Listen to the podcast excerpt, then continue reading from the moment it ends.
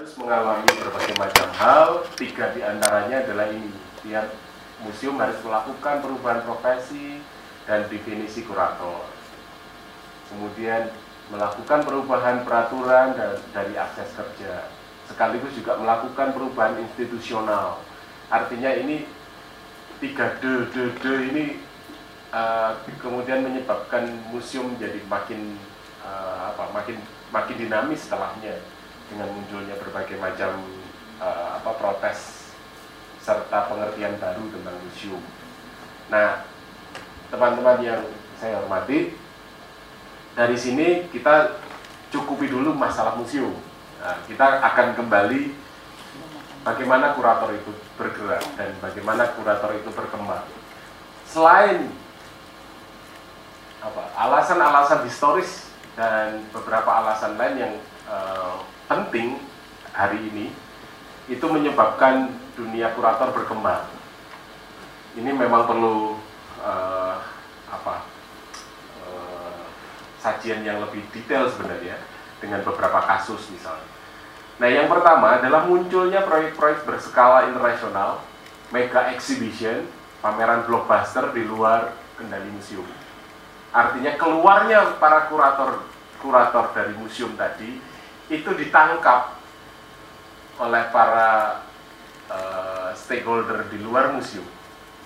Kepandaian mereka, um, apa, kepandaian dalam proses macam-macam, riset, uh, menafsir benda seni ataupun lainnya itu ditangkap oleh mereka untuk dipekerjakan di, di wilayah-wilayah di luar museum. Nah, pameran atau program-program yang besar inilah yang membuat membuat para kurator itu tidak pernah kehabisan pekerjaan. Ya, apalagi berskala mega exhibition semacam itu atau pameran blockbuster semacam itu. Yang kedua adalah munculnya ruang-ruang yang kebanyakan dikelola oleh para senimannya sendiri. Nah, ini juga penting karena e, seniman itu bergerak cair, mereka memperlakukan dirinya juga seperti selebritas yang kemudian bisa mem, apa, melakukan berbagai macam hal terutama misalnya ketika mereka sudah dilihat oleh publik sebagai sebagai figur yang penting maka dia mengelola segalanya dengan dengan rileks gitu. Akibatnya kurator bisa masuk ke wilayah uh, proses kreatif seniman. Ya tentu saja diajak untuk ber, melakukan kerja kerja pameran dan sebagainya gitu. yang ketiga ada visi dan misi museum yang mungkin bertentangan atau tidak sejalan dengan idealisme kurator ini yang menyebabkan banyak kurator keluar dari museum. Yang keempat adalah terjadinya perkembangan yang menguat di wilayah luar Eropa Amerika, termasuk Asia. Jadi hari ini, sampai hari ini, beberapa kawasan di Asia maupun di Australia atau di Afrika itu mengalami percepatan pertumbuhan pasar yang luar biasa. Uh, konsep uh, mainstream atau gelombang utama itu ditiadakan oleh dunia postmodern sehingga menyebabkan pusat sudah tidak ada lagi. Yang dulunya di zaman modern pusat seni itu ada di Paris, London, New York itu ditiadakan oleh orang-orang postmodern. Yang ada sekarang Paris, New York, London, Hong Kong, Abu Dhabi, ya, Korea hingga Singapura dan Jakarta atau Yogyakarta. Itu bukti yang paling otentik adalah keikutsertaan uh, wacana Jogja Biennale sekarang menjadi bagian dari Biennale Internasional Ekuator. Ya meskipun penontonnya sedikit, tapi paling enggak gaungnya sudah mulai terasa lah sebagai sebuah Biennale Internasional dengan menarik berbagai macam eh, seniman-seniman uh, yang berada di wilayah Katulistiwa. Gitu. Itu contoh bagaimana perkembangan itu turut mempengaruhi percepatan pertumbuhan kurator di berbagai macam negara.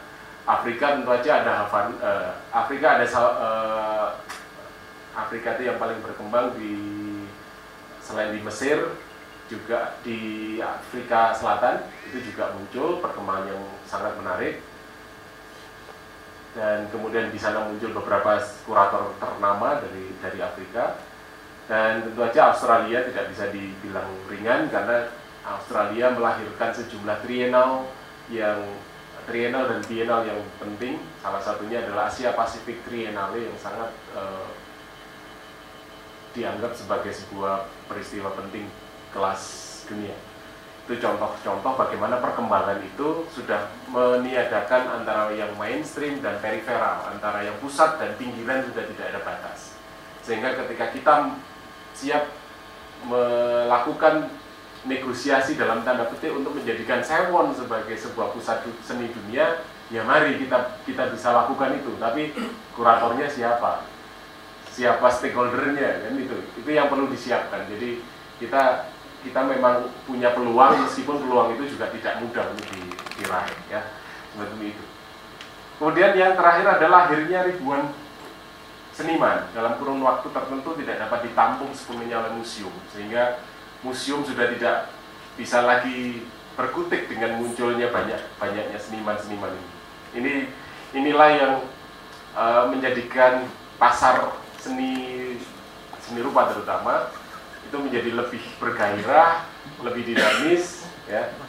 Dan sebab-sebab inilah yang atau alasan-alasan inilah yang kemudian menjadikan apa peran kurator menjadi amat uh, bervariasi jadi kalau kita menyebut kurator, tentu saja tidak bisa hanya ber, memiliki perspektif tunggal. Sejumlah kurator itu ini salah satunya. Jadi bagaimana kemudian kalau kita nyebut kurator, kita harus paham dulu yang dimaksud adalah kurator yang mana. Dalam hal ini kita bisa bicara tentang museum kurator, independen kurator, artis kurator, kolektor kurator, pictures kurator, ini Pak Irwandi itu. Richard kurator. Juga juga. Saya milih yang kolektor kurator. Ya ya bisa nyanyi Pak Hongjin ya. Jadi itu yang terakhir adalah polimorfi kurator yang di masa depan akan jauh lebih banyak lagi karena kita sudah tidak bisa mengidentifikasi ini jenis kurator apa. gitu. Sehingga dalam hal ini siapa pun boleh jadi kurator. Siapa pun boleh meninggalkan profesi kurator sekonyong-konyong gitu ya. Kemudian bisa berganti profesi yang lain gitu. Tapi ya itulah. Ini setiap setiap jenis tentu aja punya kelebihan dan kelemahan masing-masing. Sehingga kita bisa melihat nanti seberapa banyak uh, orang yang berada di dalamnya gitu ya. itu itu salah satunya ya eh, beberapa hal tentang kurator yang saya ingin bahas lebih lanjut adalah keberadaan artis kurator. Artis kurator ini sudah mulai uh, menggurita hari ini. Jadi ada banyak pertanyaan mengenai artis kurator yang datang kepada saya bahwa ada ada pola-pola yang sebelumnya tidak bisa diterima akhirnya menjadi sebuah konvensi jadi bukan berarti Anda yang jadi seniman tidak bisa jadi kurator. Teori ini sudah berjalan sejak lama, sudah sejak tahun 70-an berkembang. Sehingga dalam hal ini usia artis kurator sendiri sudah lama. Ya. Artis kurator tentu tidak seindependen dan seidentik dengan senimannya sendiri. Itu komentar Michael Benson. Mereka setidaknya memiliki kemampuan pula untuk memfasilitasi dan memberi dukungan pada siapa saja dan untuk apa saja dalam pameran dalam sebuah pameran. Di samping itu tentu saja harus dapat membawa pameran ini serta isu-isunya meskipun tidak semuanya minimal komponen emosinya dan intelektualnya dalam dalam sebuah pameran atau dalam sebuah proses kerja itu dijalani dan diterangkan kepada publik. Ini kuncinya. Jikapun pada akhirnya tidak identik dengan gagasan awal, tetapi paling tidak batas antara kurasi dan pamerannya dapat dengan mudah diapresiasi publik. Jadi saya tidak ingin mendikte apa pekerjaan artis kurator, tapi paling tidak tujuannya di paragraf ketiga ini sudah sangat jelas. Jadi siapa pun akhirnya bisa menjalani tugas itu karena uh, dengan terbatasnya sumber daya manusia yang ada di sini misalnya kita sudah tidak mungkin lagi menengarai munculnya kurator independen yang non non artis kurator muncul setiap tahun. Tidak tidak pernah cukup. Satu kelas anak seni murni atau anak fotografi belum tentu satu aja jadi kurator. Ya nggak pak? Ya? nah itu belum lagi belum adanya belum adanya jurusan atau prodi kurator kur- kurator seni itu menyebabkan makin sedikitnya kurator. Itu jadi kurator itu memang makhluk langka ya gitu ya. Tapi jangan dimusuhkan. Nah artis kurator ini tentu aja pasti akan banyak hal yang bisa dipertanyakan tapi nanti kita bisa diskusikan lebih lanjut. Berikutnya yang juga penting untuk dilihat adalah soal penggayaan kuratoria ini penting karena jangan beranggapan bahwa gaya kurator itu cuma tunggal.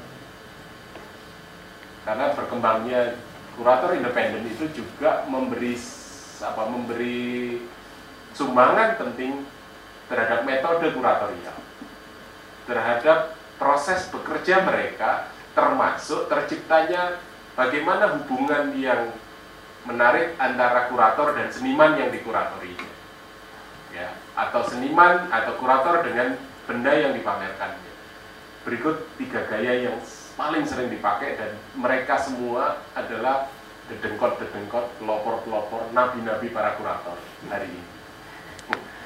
Yang pertama, yang paling banyak pengikutnya adalah Alfred H. Bukan Haji ya. ya. Alfred Barr ini uh, adalah perintis kekuratoran yang terfokus pada pameran dan pengoleksian seni rupa. Ia adalah pengajar di Connecticut da, pada tahun 2000, 1926 dan memulai kelas seni rupa modern untuk pertama kalinya di dunia. Jadi dia adalah sejarawan seni modern pertama yang membuat kelas seni rupa modern. Jadi bisa dibilang dia ya memang orang pentingnya seni rupa. Dia dia banyak melahirkan buku-buku kritik seni. Ia adalah peletak fondasi intelektual MoMA yang terkenal sampai hari ini. Kemudian dikenal pula melalui pameran pentingnya. Ini ada ada kubisme, abstrak art, dan fantastic art, dada and surrealism. Kemudian pameran-pamerannya selalu memberi info, informasi historis, tidak hanya pada masyarakat dan pengunjung museum, tetapi juga para seniman, khususnya yang aktif di era tahun 30-an. Bar memiliki kemampuan tradisi keilmuan yang kuat, lengkap dengan dokumentasi arsip dan foto-foto yang menyertainya. Ia menghindari sejauh mungkin cakwasangka yang terlalu subjektif. Ini penting. Jangan beropini aja. Bar juga memberi sumbangsih besar terhadap bagi museologi, khususnya perkembangan museum seni rupa modern. Gaya kekuratoran Bar dipengaruhi oleh iklim dan komunitas akademik. Analisisnya formal dengan interpretasi empiris, sistematis yang menyerupai jurnal-jurnal atau atau dengan pendekatan ilmiah. Jadi semacam itulah kalau dosen jadi kurator. Nah, itu ya ceritanya. ini contohnya ini. Nah ini adalah contoh kuratorialnya atau pamerannya. Jadi kita bisa lihat ini White Cube sudah muncul sebenarnya, tetapi wacana tentang White Cube sendiri ditulis tahun uh, 50-an akhir gitu ya. Di 60-an mulai sangat kencang. Tapi sudah sudah dimulai bahwa sebuah ruang bersih tidak ada tidak ada apa pun kecuali benda seni yang ada di dalamnya. Ya, beda dengan museum-museum sebelumnya. Nah ini konsep yang diemban oleh Bar ini yang tentu saja uh, dia memperlihatkan bagaimana uh, ini arsip-arsip juga diletakkan di dalam panel-panel khusus. Ya, kemudian munculnya teks-teks di dinding sudah sudah dimulai sejak awal oleh uh, Bar. Padahal belum ada cutting stiker. Ya belum ada cutting stiker, tapi kok pinter ya. Pakai styrofoam. styrofoam. Enggak, kurang nakal lah. Ini penting orang orang pinter masa ngomongin sejarah pinter masa cutting stiker nggak bisa. Hari ini nggak ada cutting stiker udah mengeluh. Aduh, sih udah karyanya sulit dicerna, nggak ada teksnya lagi. ya, itu dia harus belajar pada bar ini ya. Oke, itu gaya pertama. Gaya kedua adalah Walter Hobbes. Oh, Ini apa bedanya? Kita perhatikan ya. Kurator ini tidak memiliki gelar pendidikan apa pun. itu udah keren. Jadi kesempatan bagi kalian yang nggak lulus-lulus itu, ada nabinya.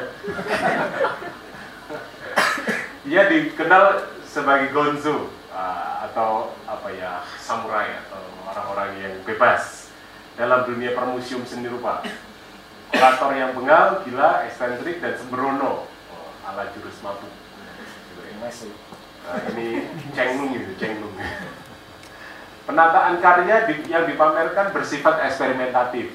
Salah satunya adalah memajang 10 eh, 100 keping lukisan karya 40 seniman pada sebuah komedi putar di Santa Monica Pier di tahun 1954. Itu karya yang paling penting dari dia.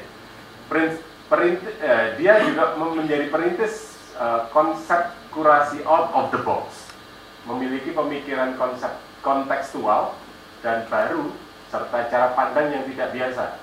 Sekaligus sering membuat pameran di ruang-ruang yang struktur lokasinya tidak biasa digunakan sebagai ruang pamer. Ini pelajaran minggu lalu. Kalau tahu struktur lokasinya macam-macam seperti apa, salah satu pengembangnya adalah si Hobbes. Nah, berikutnya pameran terpentingnya adalah uh, eh, 36 Hours di MOTA, Museum of Temporary Art sebuah ruang yang disulap menjadi galeri sementara tempat ia menata semua karya puluhan seniman dalam jangka waktu 36 jam non-stop. Artinya 30 jam, 36 jam itu bukan hasil akhirnya yang disajikan. Tapi proses mendisplaynya menjadi bagian dari pameran. Jadi jangan khawatir kalau displaynya belum selesai. Anggap aja itu performance art. ya, udah ada orang yang memulai, jadi ya nanti bilang aja ini kata Walter Hoops gitu. ya. Bagi Hoops, pameran adalah proses atau peristiwa yang memanfaatkan ruang dan momen yang spesifik.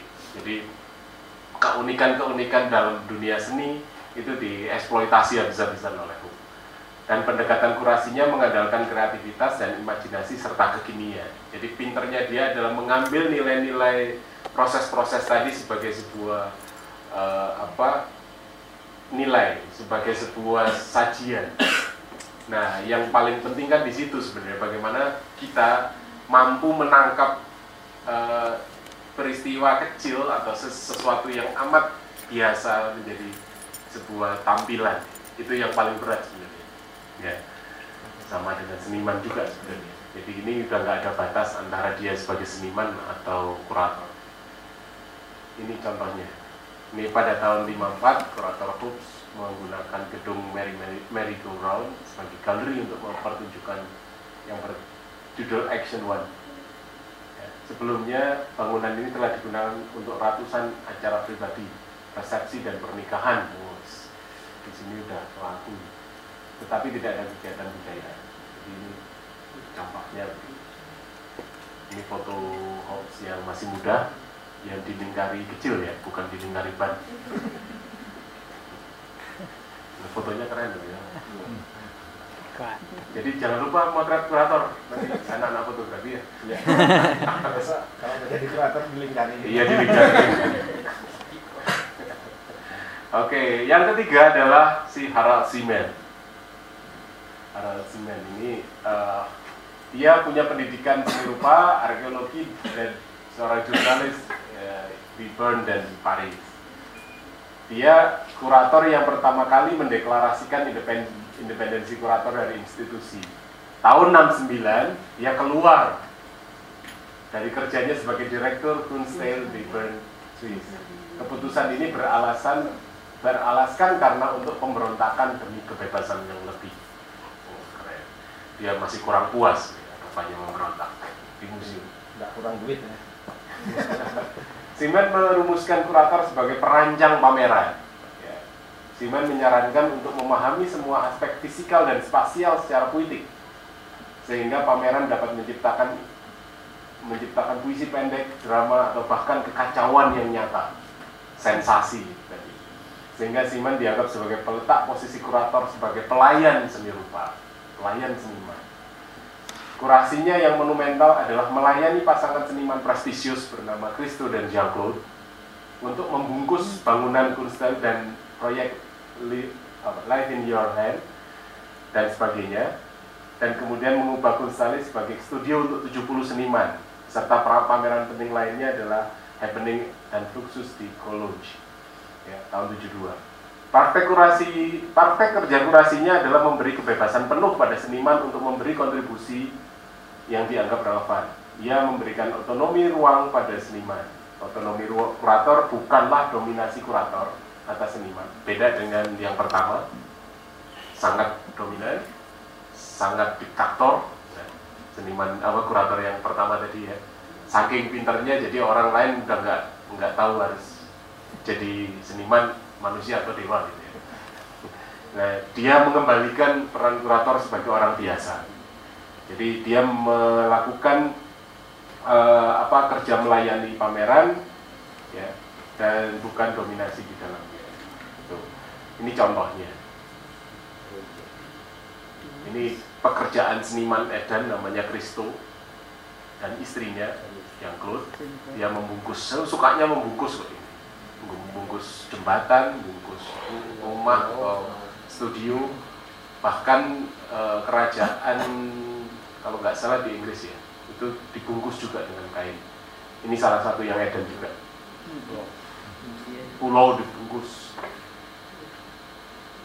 jadi e, pekerjaan kuratornya melayani Kristus artinya ini kan bukan pekerjaan ringan dari mana Kristus dapat duit ya? Bagaimana kemudian dia harus bekerja me, apa, melayani para stakeholder yang akan membangun karya seninya ini. Bahkan Kristo juga pernah berhadapan dengan anggota legislatif di negaranya untuk menjelaskan sesungguhnya ini proyek apa gitu. Karena ini belum dilaksanakan kan orang selalu meraba-raba nanti takut ini, takut ini, takut ini sehingga dia harus mempercayakan semua itu kepada kuratornya dan tim yang bekerja di dalamnya. Nah, ini masih belum apa-apa dibanding yang ini. Ya, ini adalah karya Kristo yang paling diganti, ya, sepanjang 20 km membentangkan kain dan kawat sepanjang berapa habis berapa kilometer. Jadi ini harus berhadapan dengan para petani, pemilik tanah untuk dinegosiasi agar bisa dilewati oleh karya dia. Jadi itu bisa dibayangkan ini pamerannya pameran apa sesungguhnya. Ya. Dan ini juga tidak kemudian dilabeli dengan satu pameran khusus gitu. Artinya ini sepanjang waktu sampai waktu tertentu baru kemudian dibongkar kembali. Nah ini tiga gaya itulah yang kemudian mempengaruhi kurator-kurator hari ini. Artis kurator kebanyakan bekerja seperti Hope dan Simen, ya kan. Sedangkan orang-orang yang yang ber, tidak berprofesi seniman seperti saya inilah ya kayak Alfred Habar gitu lah contohnya suka dengan tulisan-tulisan gitu ya kalau yang enggak ya nggak ada tulisannya yang penting karya gitu ya yang penting payu ya itu contohnya sekarang saya ingin masuk ke wilayah yang uh, berbeda yakni perkembangan. Bagaimana kemudian perkembangan di Indonesia? Jadi baga bagaimana kemudian uh, kurasi itu masuk ke wilayah Indonesia dan apa sesungguhnya yang terjadi di Indonesia terhadap peran kurator. Jadi saya akan memulai dulu bahwa bahwa sebelum ada kata kurator di Indonesia itu muncul muncul yang disebut dengan cikal bakal kurator, proto kurator, proto kuratorial. Jadi di dalam katalog-katalog kalau teman-teman melacak semua yang ada di di era-era sebelum tahun 90 itu biasanya ditemukan uh, yang merah yang merah ya. Ini ada tim penyeleksi dan dewan juri. Saya juga tidak tahu pasti apa bedanya tim penyeleksi dan dewan juri. Karena di sini isinya seniman-seniman terkenal. Ada Profesor Dr. Dr. Andes Bud Mokhtar, Nasa Jamin, Handrio, Amang Rahman, Abbas Ali Basa, ini disebut lagi Profesor Bud Mokhtar, rektor pertama IC, kemudian Fajar Sidik dan uh, Andrio, seorang pelukis abstrak. Ini biasanya isinya uh, apa seniman-seniman terkenal. Ini nggak usah dibaca, ini rektor kita dulu bagian display.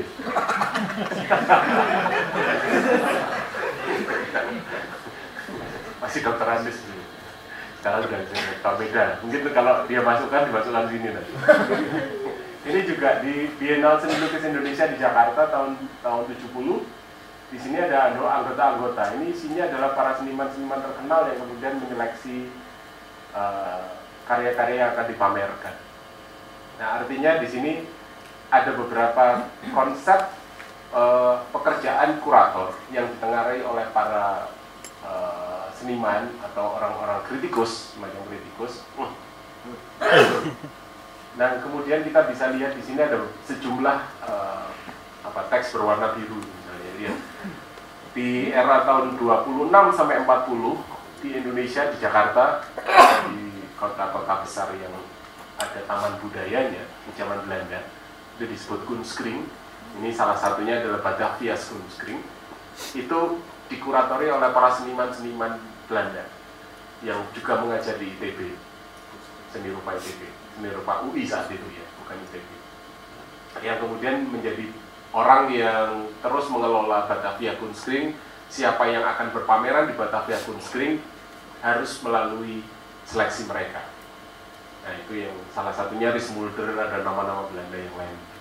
Nah setelah itu di tahun 50-an Bung Karno memanfaatkan seniman-seniman itu untuk memberdayakan Dullah, Lemangfong dan Ming Wasim untuk menjadi kurator di Istana Presiden meskipun namanya bukan kurator saat itu hanya dinamai uh, pelukis istana Dullah dan Lemangfong terutama Lim Wasim itu membantu Lemangfong untuk uh, me, apa, menyelesaikan tugas-tugasnya di ranah galeri pribadi galeri privat di sejumlah tempat seperti di Surabaya ada galeri Pigan di Jakarta ada Pas, Prasta Pandawa, ada Hadi Prana dan sebagainya itu juga menjadikan pemilik kurator, eh pemilik galeri menjadi kurator.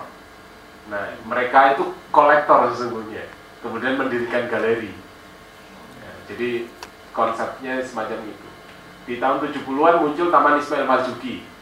Ya, itu ada Dewan Kesenian Jakarta yang kebanyakan kalau kalau yang disuruh nulis sambutan adalah Pak Ayi Prosidi.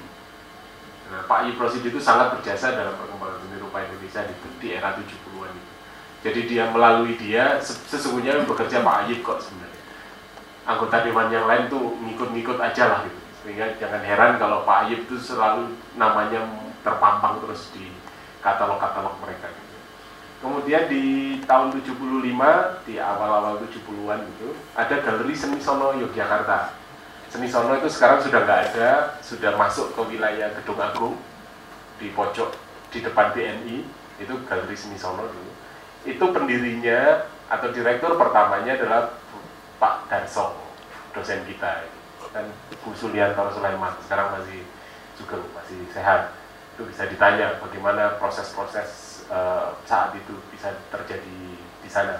Termasuk Galeri Seni Sono ini yang melahirkan pameran yang kemudian menjadi amat penting dalam perkembangan seni rupa Indonesia, yakni ke, uh, pameran kepribadian apa itu Nah, dan di sini situlah kemudian pameran kejadian apa itu, apa kepribadian apa itu terjadi. Dan sebutan Dewan Juri banyak sekali seperti yang saya contohkan di, di dua tempat ini. Jadi perkembangan cikal bakar kurator di Indonesia munculnya lebih kurang seperti ini. Nah, baru pada tahun 93-94 muncul Biennale Jakarta yang ke-9 yang menyatakan bahwa Eh, profesi kurator tertera di katalog pameran. Kalau teman-teman ada yang punya katalog uh, sebelum ini ada tulisan kuratornya, ini mungkin bisa dirawat ya. Sayangnya enggak. Nah, Pak Jim ini menjadi sosok kunci dan agensi dalam bidang kekuratoran di Indonesia menurut penelitian uh, kurator Patrick de Flores di Filipina. Jejak rekamnya terhitung amat kuat dalam berbagai pergelaran seni rupa di Indonesia, maupun di ranah internasional. Ia juga berperan menumbuhkan profesi kurator di Indonesia.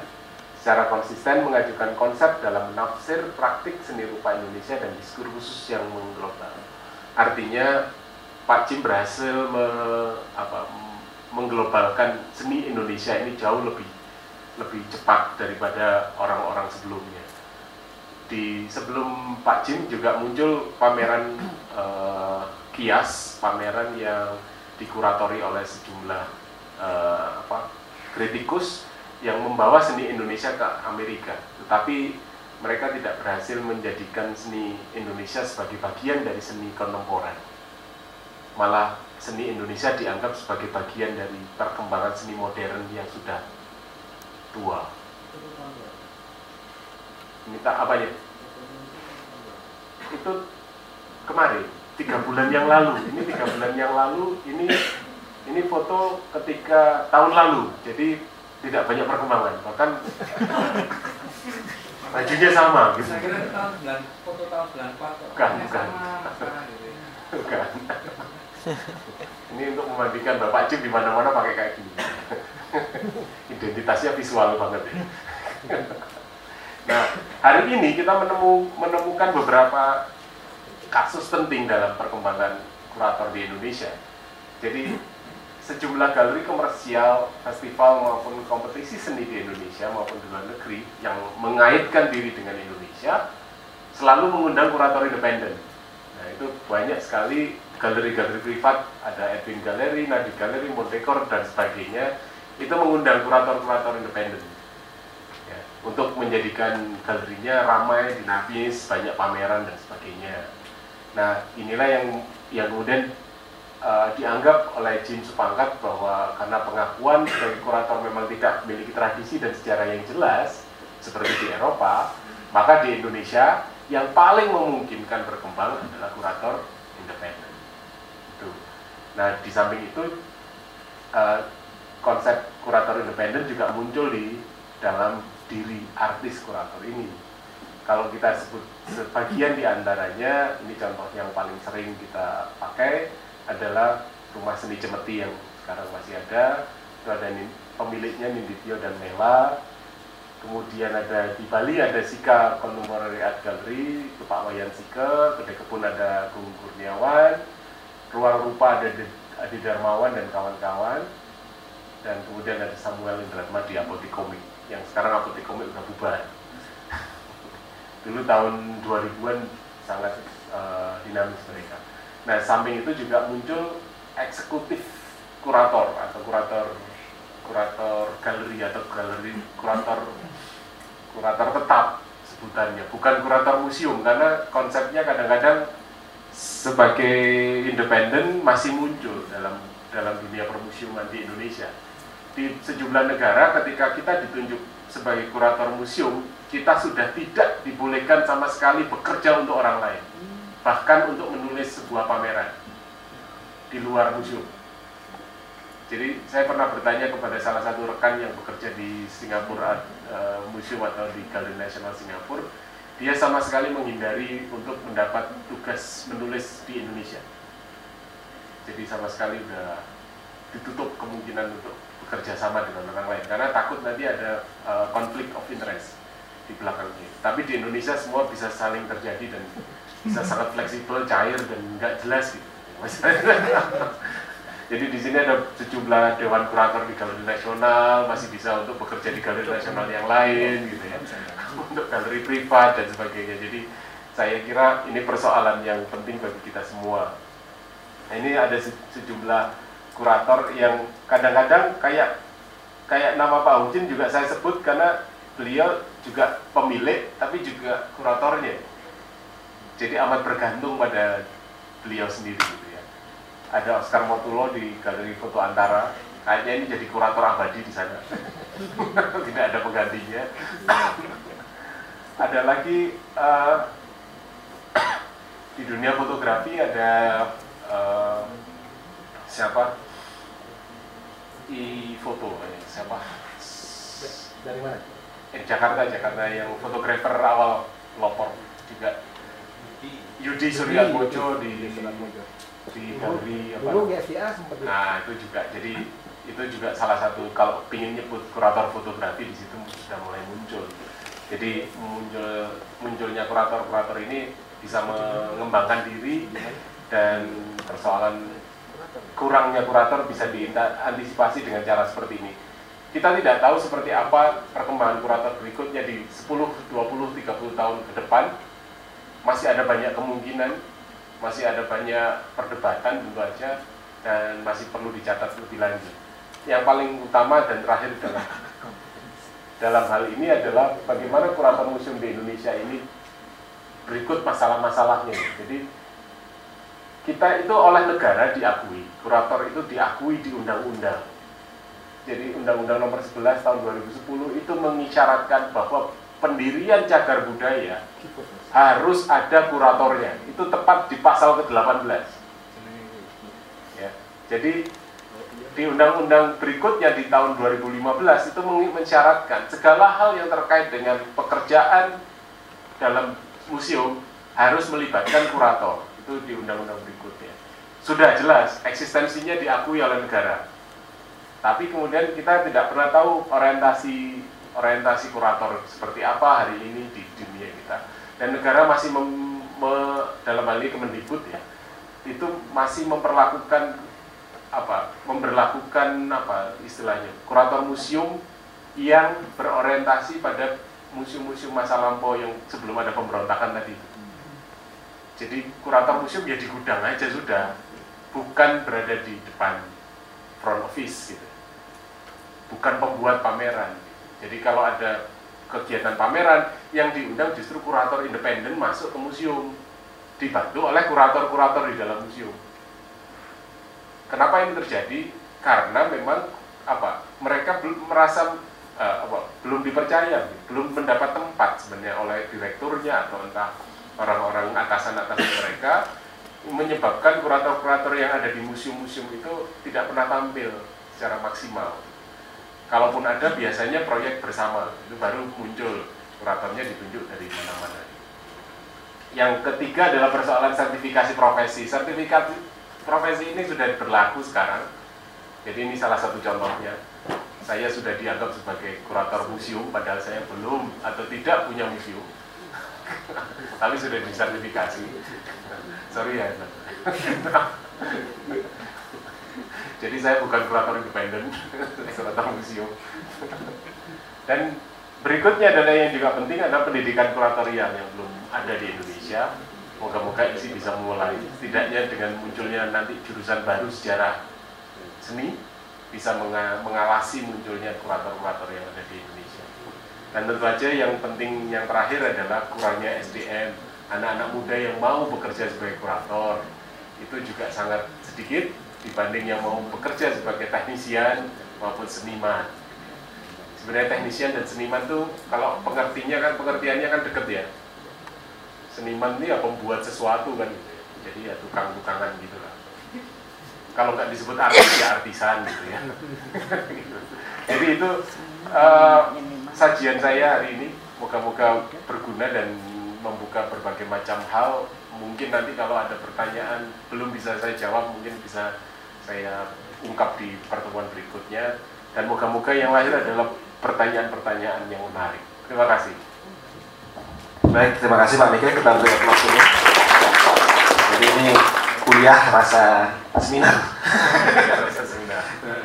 Uh, Baik, banyak tadi yang sudah dipaparkan, yaitu tentang museum, sejarahnya, kemudian jenis-jenis kurator, berbagai, berbagai macam pemikiran kurator.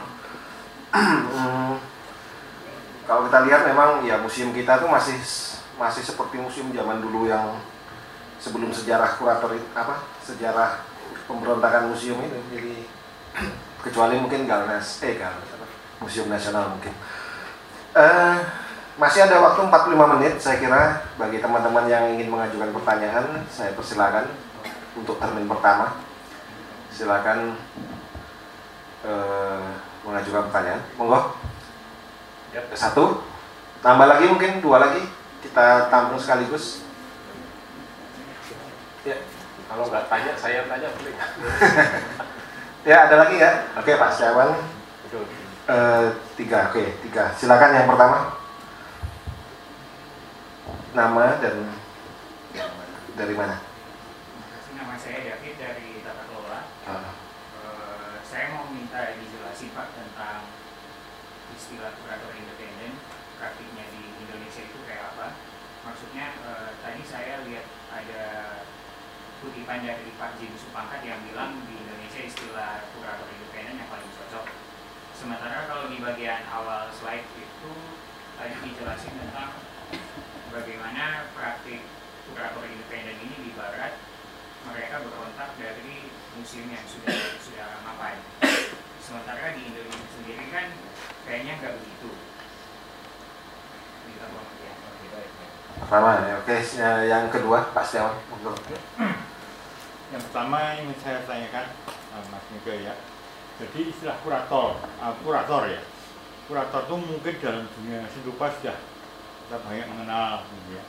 Tapi dalam uh, dunia fotografi itu apa atau bagaimana seseorang itu bisa disebut sebagai kurator?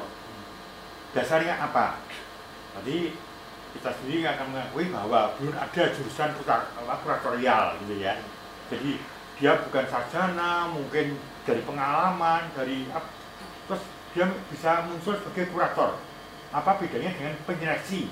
Misalnya suatu pameran ada yang seleksi, ada yang milih-milih. Apakah itu mereka bisa menyebutkan sebagai kurator? Itu tanda, tanda tanya ya. Nah terus apa? Apakah dia harus punya sejarah, menguasai ilmu apa katakanlah sejarah seni yang dia kuasai, yang harus diungkapkan ataupun apa pun? Nih, yang pertanyaan pertama ya. Yang kedua, kita kembali ke masa lalu, yaitu masa zaman Renaissance tadi kalau kita sebagai museum. Ini perkembangan fotografi juga sama, yaitu yang istilah dengan istilah salon. Ya, itu yang berkembang di uh, Prancis sekitar tahun 1800 ada ada salon, ada in salon atau kontra salon. Itu juga ada kuratornya. Nah, itu mungkin uh, Mas Mika bisa mem- apa sedikit mengungkapkan mengenai sejarah kuratorial di zaman fotografi salon. Gitu. Oh, yang terakhir, ketiga. Nama saya Mumi Masih warga setempat Saya mau nanya dari, Perkembangan kurator ya, sampai sekarang ini masih Yang muda-muda terus regenerasi lah. Tapi yang saya lihat sekarang ini Posisi yang dulu bagus sih Sekarang udah agak berkurang.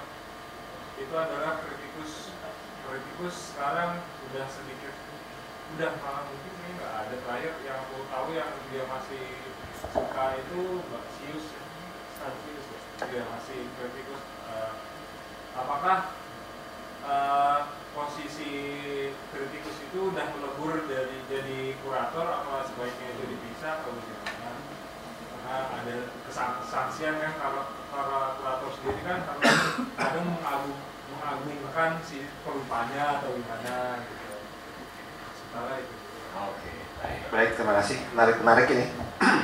Eh, yang pertama dari Mas David tadi istilah kurator independen mungkin perlu di refresh lagi perbedaan yang di Eropa kan independen ketika dia keluar dari museum tapi di Indonesia tidak.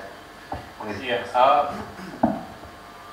ini sampai hari ini memang jadi wacana yang debatable sebenarnya. Jadi dari mana independensi kurator independen di Indonesia? Jadi kita tidak bisa kemudian mengarahkan bahwa bahwa kurator independen itu lahir dari ber- ber- beradaan museum. Sejumlah kurator-kurator yang sekarang eksis itu pun juga tidak berasal dari museum kan. Tiba-tiba langsung ngomong saya independen kurator. Artinya ada pe, ada apa eh, apa istilahnya pe, pemaknaan ulang terhadap kata independensi kurator itu tadi. Sehingga kalau kita bisa simpulkan dalam kacamata yang sangat eh, luas bahwa kurator independen Indone- di Indonesia itu sebenarnya apa, mengikuti arah perkembangan kurator independen yang di Eropa, tetapi tidak berasal dari dunia museum. Jadi, jadi kalau kalau kita ibaratkan rel kereta api itu ya nyantolnya cuma satu gitu. Jadi ada latar belakang yang berbeda, ya kan? Tapi menyatunya di di pekerjaan praktik kuratorial mereka. Jadi itu yang e, bisa tengarai. Di samping itu tentu saja independensi ini masih terus dipertanyakan sampai hari ini sejauh mana independensi kurator. Jadi kita tidak bisa me menyimpulkan secara pasti gitu. Bagaimana soal independensi ini apakah independensi dari pasar atau independensi dari pemilik modal yang menyewanya untuk sebuah pameran ya, atau independen dari apa gitu. Yang sampai sampai hari ini juga kita tidak pernah tahu.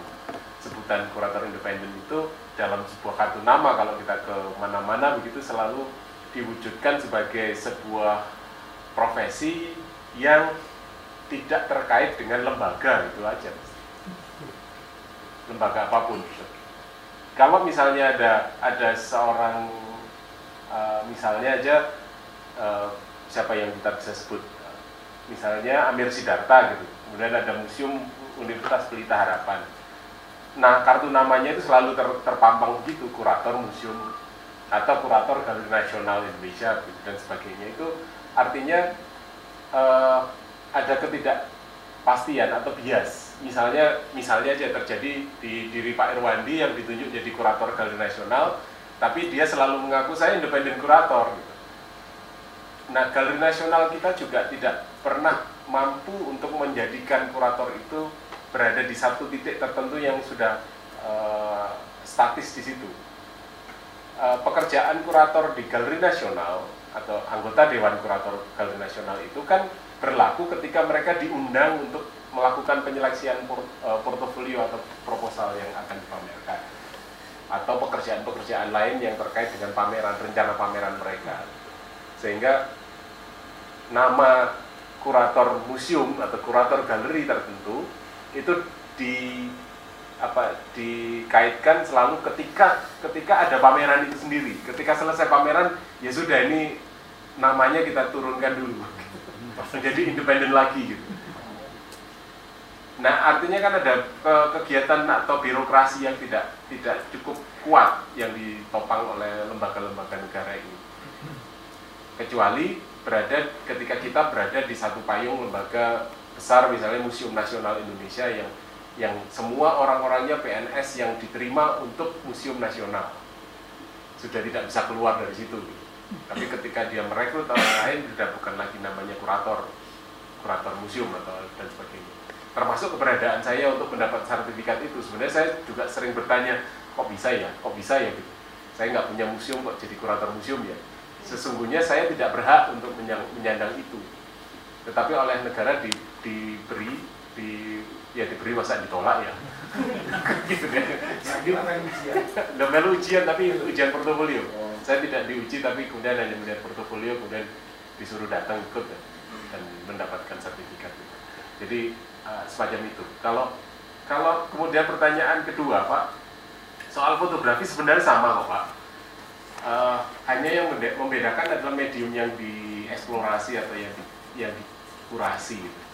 jadi bagaimana kemudian dunia fotografi itu menjadikan dunia seni rupa sebagai sampel saja, sebagai kasus yang selama ini terjadi.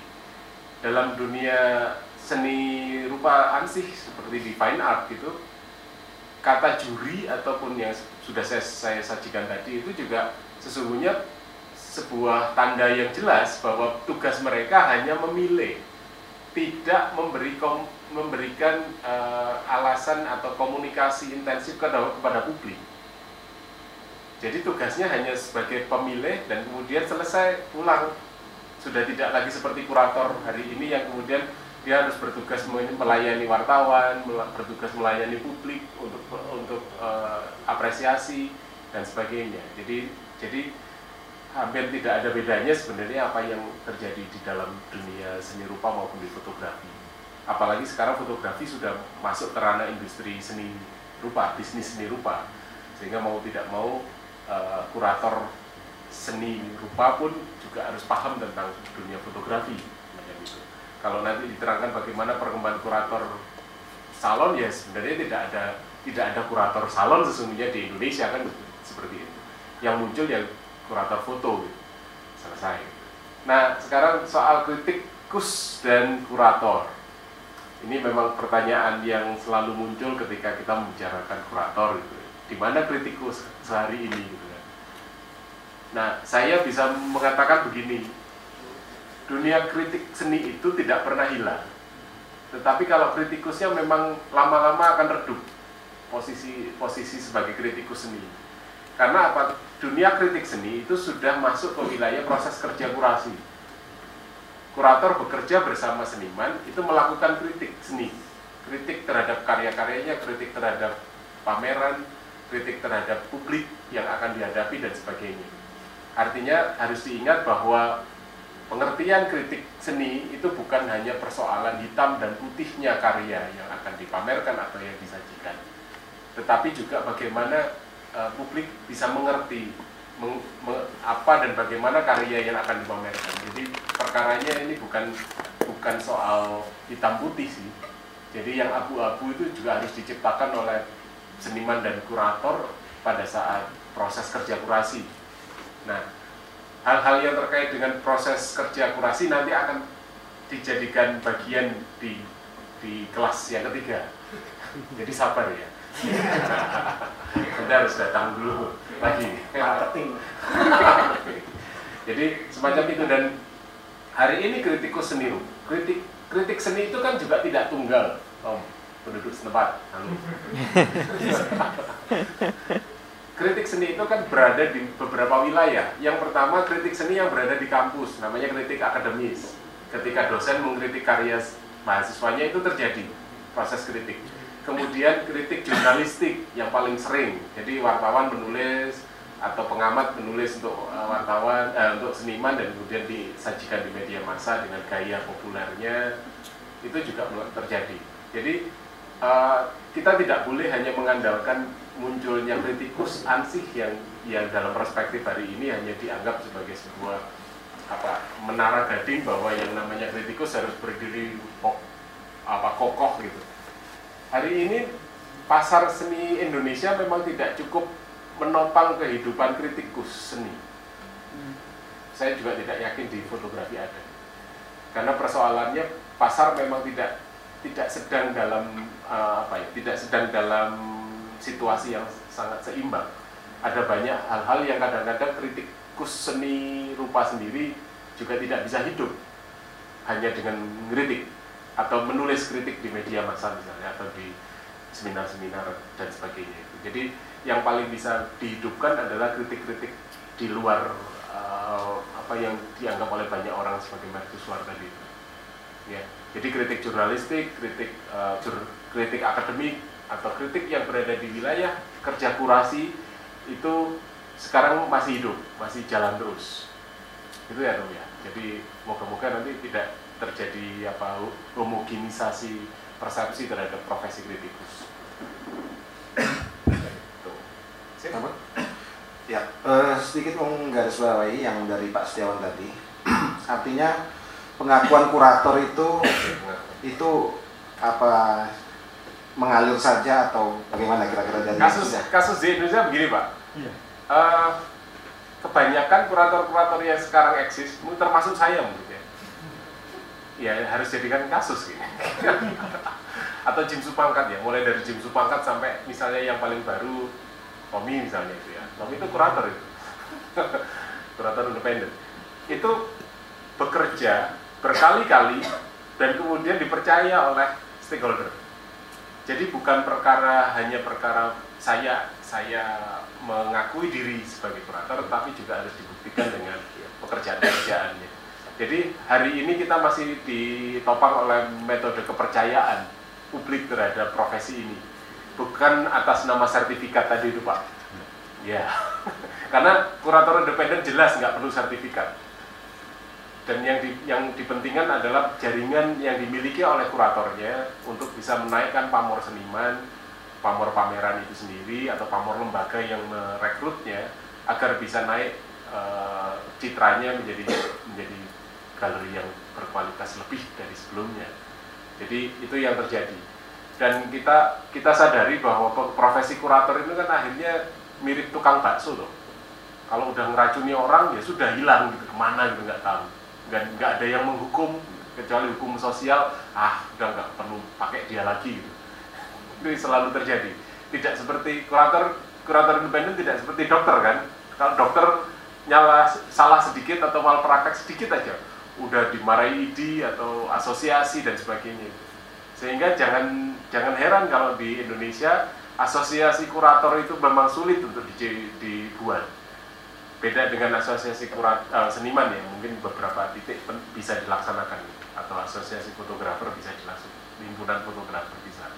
Nah itu yang menjadi problematika kita hari ini bahwa dunia kurator memang berada di ambang yang yang sangat cair sangat mudah berubah. Bahkan tadi kalau kita lihat ada artis kurator kolektor kurator itu juga siapa yang mau ngumpulin kolektor kurator gitu kan cuma Pak Hujin aja kan ketuanya Pak Hujin, anak buahnya Pak Hujin gitu yang nonton Pak Hujin gitu kan. nah, yang belum dilakukan oleh uh, dunia fotografi adalah melengkapi infrastruktur tadi itu Pak. Jadi galerinya juga harus ada, kalau sekolahnya ada, galerinya juga harus ada dan aktif.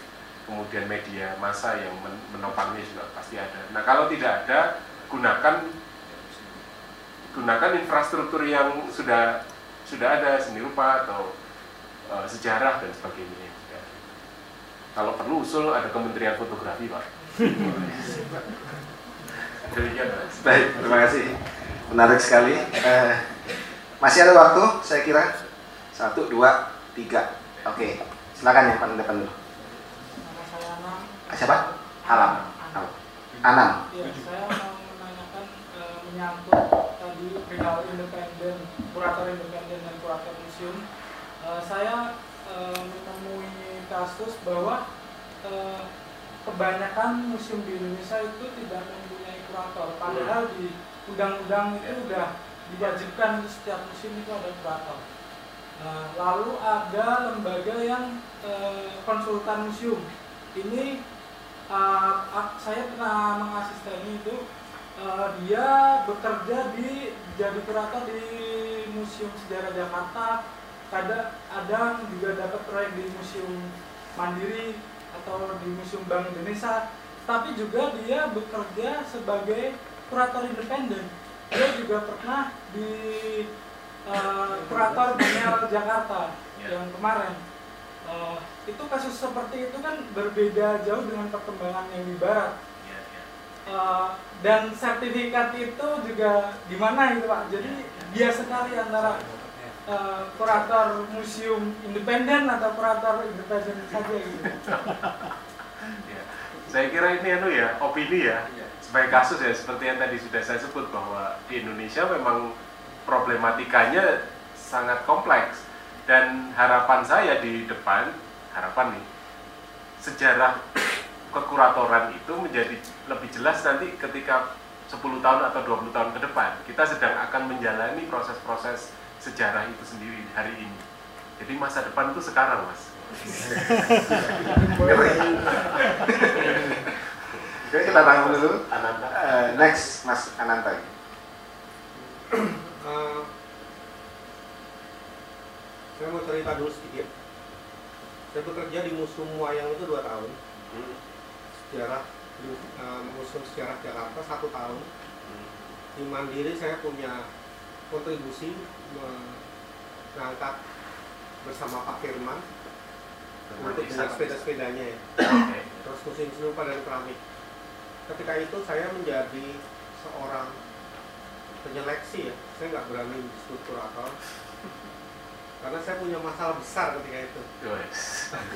Apa itu? Um, kasus dengan Ibu Miranda S. Gultom. Oh, okay. Ya, saya sempat di mau dipidanakan ketika itu hmm. tapi saya menang kasus uh, pestanya anak kami Rana S. membuat di Museum Seni Rupa dan Keramik okay. ya sampai saat ini membuat saya trauma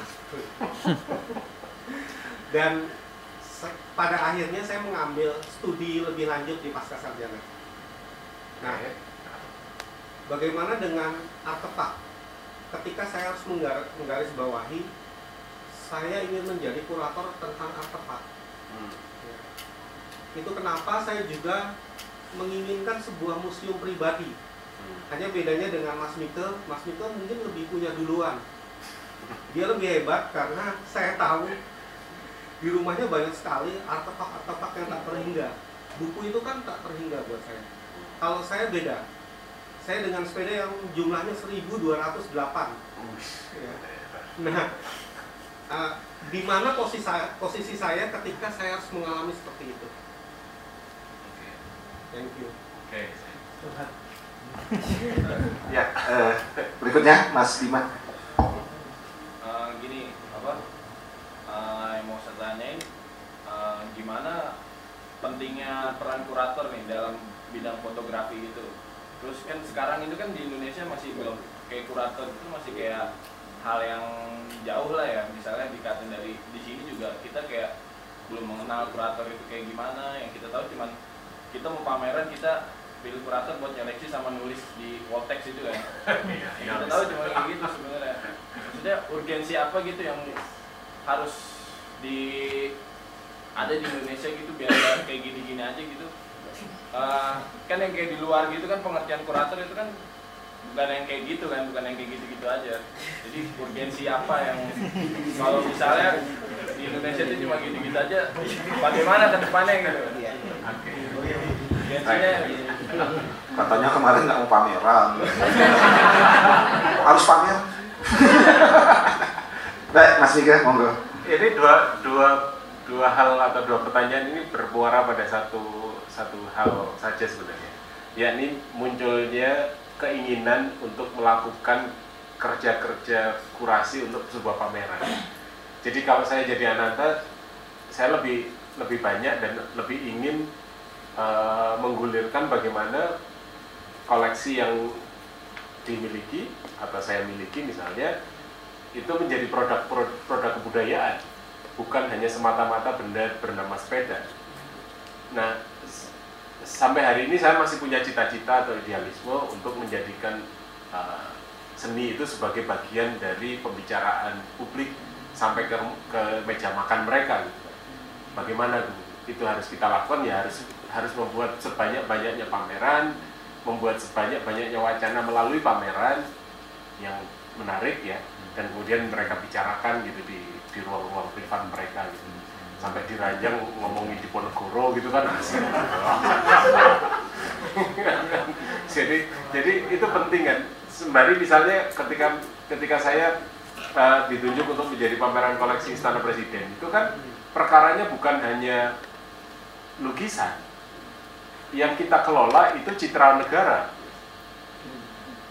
Jadi bukan semata-mata kita hanya bekerja untuk menyeleksi dan kemudian membuat wall text, tetapi kemudian memberikan satu pencitraan terhadap pameran itu agar yang mempunyai, yang sungguh-sungguh mempunyai proyek ini dalam hal ini presiden, itu bisa langsung dengan bangga ini punyaku, ini bagian dari Indonesia, ini bagian dari promosi promosi atau strategi kebudayaan dia gitu misalnya. Itu itu memang tidak tidak mudah dilaksanakan. Artinya yang bisa kita lakukan adalah membuat eh, agenda sebaik mungkin, membuat pameran se- semenarik mungkin. Ya kalau kita sudah diberi contoh-contoh pameran yang sudah-sudah itu kita kan bisa belajar dari situ mana kekurangannya, mana kelebihannya dan kemudian kita sajikan. Ada banyak metode, ada ada banyak cara praktik yang bisa kita contoh yang kemudian kita olah sendiri dan menjadilah pameran kita. Nah itu yang bisa kita lakukan Ananta dan Masnya yang satu itu Bima ya Mas Bima ya. Jadi eh, kemudian kalau kita berorientasi nanti akan jadi apa nggak usah dipikirin lah. gitu. Nanti yang penting Kak, kita bekerja membuat sesuatu dulu yang lebih segar dari sebelumnya. Artinya kalau kalau teman-teman ingin membuat pameran yang bagus, ya jangan lupa belajar pameran-pameran sebelumnya belajar tentang sejarah masa lalu dan kemudian bagaimana mereka bekerja kekurangannya di mana dan sebagainya kita obrolkan dan kita jadikan pelajaran untuk membuat pameran yang lebih baik di masa depan mengenai nanti kurator independen artinya apa gitu nanti lah biar saya itu jangan kalian itu terlalu berat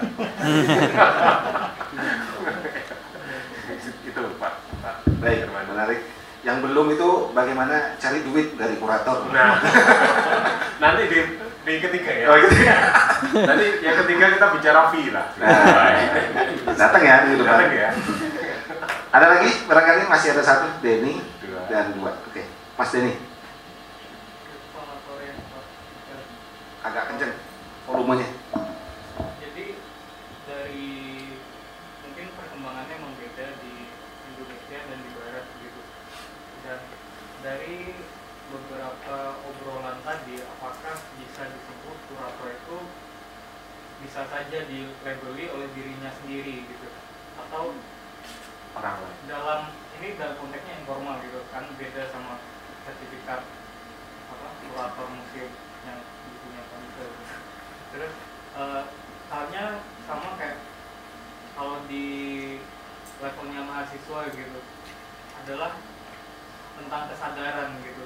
Kita bagaimana kita menyadari diri kita sendiri untuk memposisikan diri kita sebagai kurator gitu. Maksudnya terkadang kan pameran emang tidak butuh satu struktur yang formal. Gitu. ada kurator ini ini ada beberapa di bawahnya gitu. Tetapi eh, apa yang kasus Dima yang alami itu mungkin saya juga pernah alami gitu apakah bisa dilabeli diri sendiri seperti yang tadi di awal saya bilang gitu? Sekarang kalau nggak ada kurator tetap pameran gitu tapi dengan adanya kurator apakah eh, posisi kurator tersebut juga harus bisa menerjemahkan eh, karya-karya yang ada di pameran tersebut? Dan satu hal lagi adalah eh, bagaimana negosiasi antara si seniman yang yang di pameran itu dan kuratornya gitu. Kalau dilihat dari tiga orang yang kami ke ceritain tadi kan beda-beda proses negosiasinya. Ada yang superior dan ada yang cair gitu nah bagaimana juga memposisikannya dengan ego si, senimannya di sini gitu.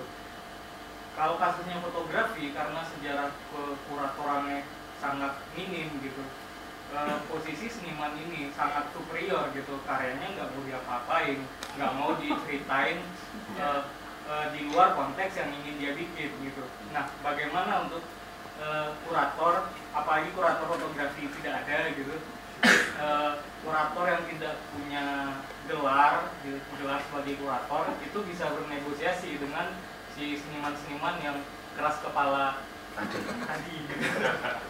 Bisa kasih contoh? Inisial aja nggak apa-apa. Baik, bagus. Yang kedua, Kas. Ya, perkenalkan saya Ian Arista. Em, saya hanya mengusulkan untuk eh, Mas Mika, mungkin ini perlu dan sangat perlu dipertimbangkan tentang Asosiasi Kurator Indonesia. Karena apa? Eh, ada beberapa balai lelang dengan kurator independen. Eh, mereka mengatakan satu sebagai eh, ada peristiwa ya, mengatakan karya itu palsu ya kan? Tapi mereka dengan mengatakan palsu itu mereka tidak bisa menjelaskan secara detail. Nah ini saya kepingin seperti kayak tadi eh, Ikatan Dokter Indonesia. Satu dokter dia eh, mau praktek, dia bisa dituntut, bahkan dia bisa masuk penjara. Dan saya ingin kurator ini punya tanggung jawab seperti itu. Karena apa? Eh, eh, ada banyak sekali korban yang seperti itu, mereka tidak bisa menuntut apa-apa. Itu fakta dan selalu terjadi berulang-ulang ini saya belum ada lihat uh, uh, disorot hal satu ini. Mau itu kurator independen mau kurator galeri whatever lah ya.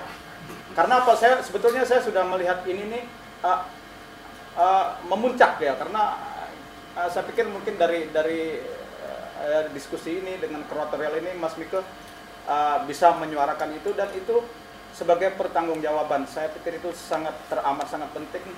Karena untuk apa? Adalah demi seni rupa Indonesia tidak ada yang lain. Perkara orang mau membeli itu karena dia senang walaupun karya palsu itu itu urusan dia. Tapi ini demi seni rupa. Kasihan orang yang betul-betul yang sudah berinvestasi itu bermiliar. Mungkin ratusan juta, mungkin ratusan miliar. Dia dengan gampangnya di, di, dikatakan oleh kurator independen itu katanya itu palsu. Yang sudah jelas-jelas karya hampir bisa masuk balai lelang akhirnya kembali. Bahkan ada beberapa peristiwa mantan tentara yang dia mau masukin karya koleksi dia ke balai lelang dikatakan palsu hampir-hampir itu kurator independen itu bukan hampir itu terjadi bahwa dia sudah todongkan pistol itu. Iya, itu ada peristiwa dan itu itu ada sejarah. Saya ingin ke depan seni rupa tidak lagi terjadi hal seperti itu dengan seperti tadi Asosiasi Kurator Indonesia uh, dengan uh, mirip-mirip kali dengan dari Ikatan Dokter Indonesia itu supaya ada pertanggungjawaban Mas Miko. Itu saja, terima kasih. Ya. Menarik tadi dua pertanyaan ini dari Mas Dedi tadi.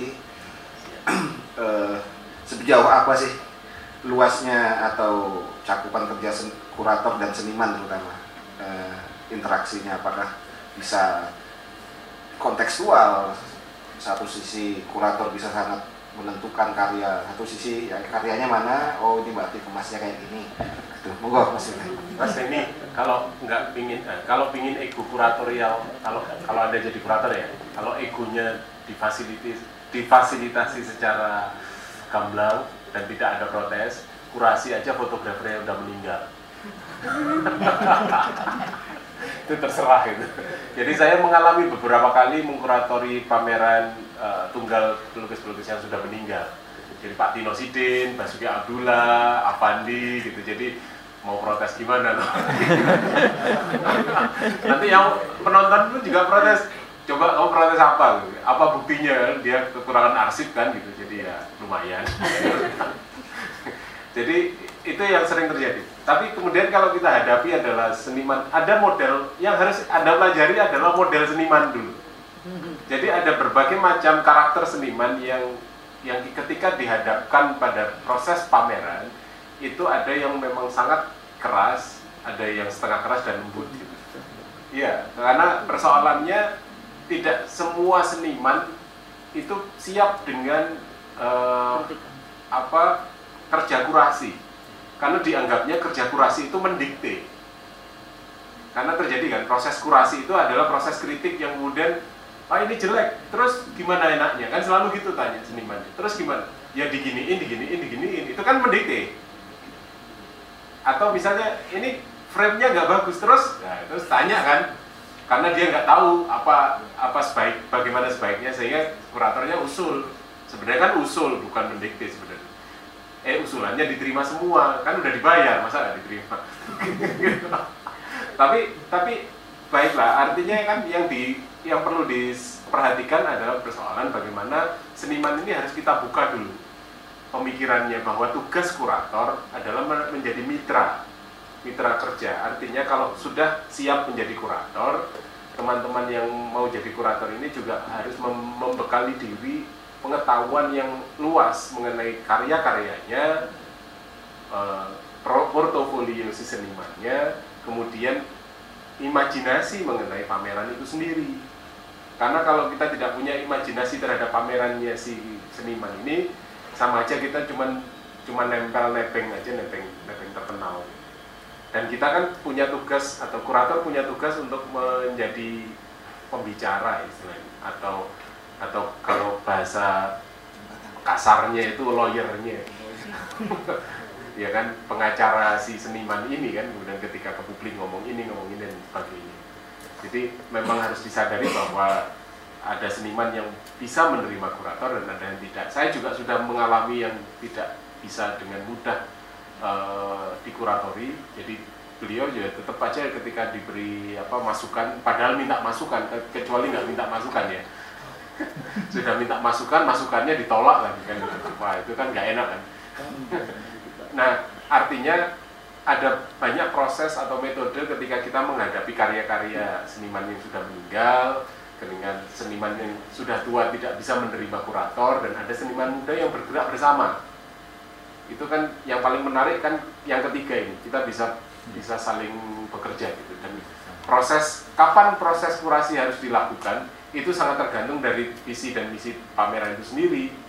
Apakah ketika ketika berkenalan dan kemudian merencanakan pameran dan kemudian berkarya dan kurasi berjalan pula itu bisa terjadi.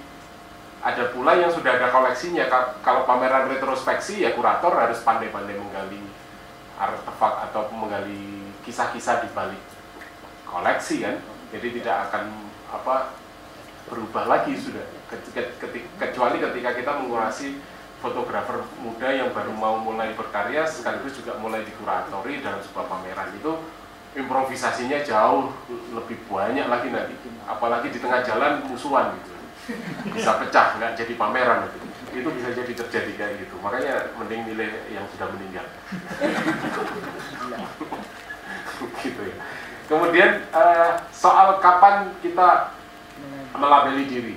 Saya kira salah satu hal dan pelajaran yang penting ketika kita melihat sosok dia itu adalah berani mem mem memberi label pada diri sendiri menjadi kurator karena di dalam dunia kurator independen tidak ada asisten kurator, tidak ada asis apa kurator kepala gitu.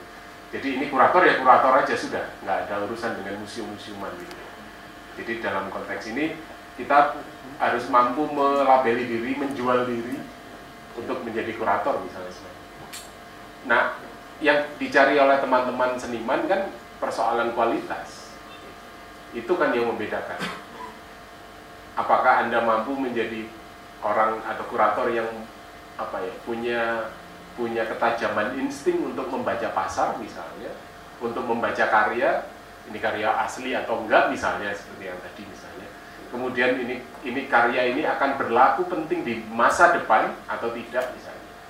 Seperti yang Hobbes dan Siman tadi yang lakukan. Itu kan semua berdasar dari visi dan kualitas si kuratornya. Bahwa ada banyak pekerjaan selain mendisplay, selain menyeleksi dan selain bikin wall text kan. Jadi gitu ya. Nah, saya ingin menjawab itu. Saya setuju, maka saya saya sangat berharap ada asosiasi karena persoalannya bukan hanya sekedar urusan uh, apa kepercayaan publik tadi bahwa kita sudah punya KTP namanya atau sertifikat namanya kurator. Saya saya sampai judek bikin asosiasi nggak jadi-jadi maka saya daftar jadi sertifikat kurator museum gitu. Jadi yang penting saya dapat pengakuan negara gitu. jadi jadi negara sudah mengakui selain selain sebelumnya saya sudah sudah dianggap atau didap, apa mendapat surat surat pengakuan dari Kementerian Sekretariat Negara sebagai konsultan kurator museum Istana Presiden kan. Tetapi itu bagi saya nggak cukup. Persoalannya adalah harus ada ada label tadi ya. Ini soal label. Nah asosiasi tadi itu memang masih dalam proses Mas Ian. Dalam proses artinya uh, nanti akan ada anak-anak muda yang jauh lebih apa agresif, uh, lebih tanggap mungkin ya, mungkin lebih tanggap, lebih kuat untuk menjalani uh, apa sejarah barunya ketimbang misalnya kami-kami yang sudah musuhan dulu baru ketemu itu akan sulit ya kan berangkatnya sudah dari situ. Ketika misalnya ada produk-produk lulusan kurator yang baru atau atau lembaga pendidikan yang kemudian meluluskan sarjana menjadi kurator, nah, mereka bisa berkumpul karena ada ada banyak kebutuhan sehingga mereka harus belajar. Nah, asosiasi ini bisa bisa diganti sebenarnya dalam tanda petik digantinya dengan uh, apa kualitas diri personal si kuratornya sendiri. Jadi dalam hal ini di dunia internasional juga uh, memberlakukan spesialisasi terhadap diri kurator. Jadi ada spesialisasi kurator A, kurator B, kurator seni modern, kurator seni timur timur uh, timur tengah misalnya atau kurator seni Mesir dan sebagainya sampai ke kurator arloji, kurator sepeda gitu mas. Ada di balai lelang. Setiap balai lelang dia punya sejumlah minimal 20 kurator spesialis yang menjadikan mereka ditopang uh, untuk menopang keberadaan karya-karya yang akan dilelang. Nah, problemanya adalah balai lelang yang ada di Indonesia memang belum secara gamblang dan secara jantan mengakui siapa sesungguhnya kurator. Saya itu juga masih bertanya siapa sesungguhnya kurator balai lelang masterpiece misalnya. Meskipun saya dekat dengan pemiliknya, tapi ketika saya tanya, Pak siapa sih backup di belakang nggak pernah diberitahukan, dirahasiakan selalu gitu. Nah, berbeda dengan ah, hampir sama hal ini hampir sama dengan keberadaan kurator geologis batu-batu ake itu loh itu aja udah ada kuratornya dan ada sertifikat uh, apa karya sertifikat batu. Jadi itu sudah sudah lebih jelas sebenarnya dibanding seni rupa ya. Dunia ake itu terbilang lebih baik daripada dunia seni rupa. Meskipun harga akik masih dalam hitungan ribu ya. Seratus ribu, dua ratus ribu gitu ya. Walaupun kecil tapi ada anunya sertifikatnya bu. Di sini seniman-seniman pada pada malas bikin sertifikat karya. Sudah bikin sertifikat karya gue ketawa-tawa jadi jadi memang pekerjaan berikutnya di masa depan adalah asosiasi karena negara juga sangat membutuhkan. Dan uh, asosiasi asosiasi independen tadi akan tereli apa ternetralisir bukan tereliminasi ternetralisir oleh keberadaan asosiasi itu. Dan beberapa di antara kurator-kurator independen itu sebenarnya di sejumlah negara sudah tergabung di dalam International Kurator Association sebenarnya. Cuma di Indonesia belum ada yang mendaftar atau menjadi bagian dari hal itu. Sebabnya apa? Nah, kita semua tahu jaring internasional di Indonesia belum cukup banyak dimiliki oleh para kurator-kurator itu sendiri. Sehingga seni Indonesia masih sangat uh, ketinggalan misalnya dengan Singapura meskipun Singapura juga tidak banyak seniman tetapi karena banyak kuratornya jadi lebih tampak gitu jadi seperti itu yang terjadi. Kalau kita kembali ke fotografi ya tentu saja akan jauh lebih penting digagas untuk melakukan pendidikan kurator yang lebih lanjut. Demikian terima kasih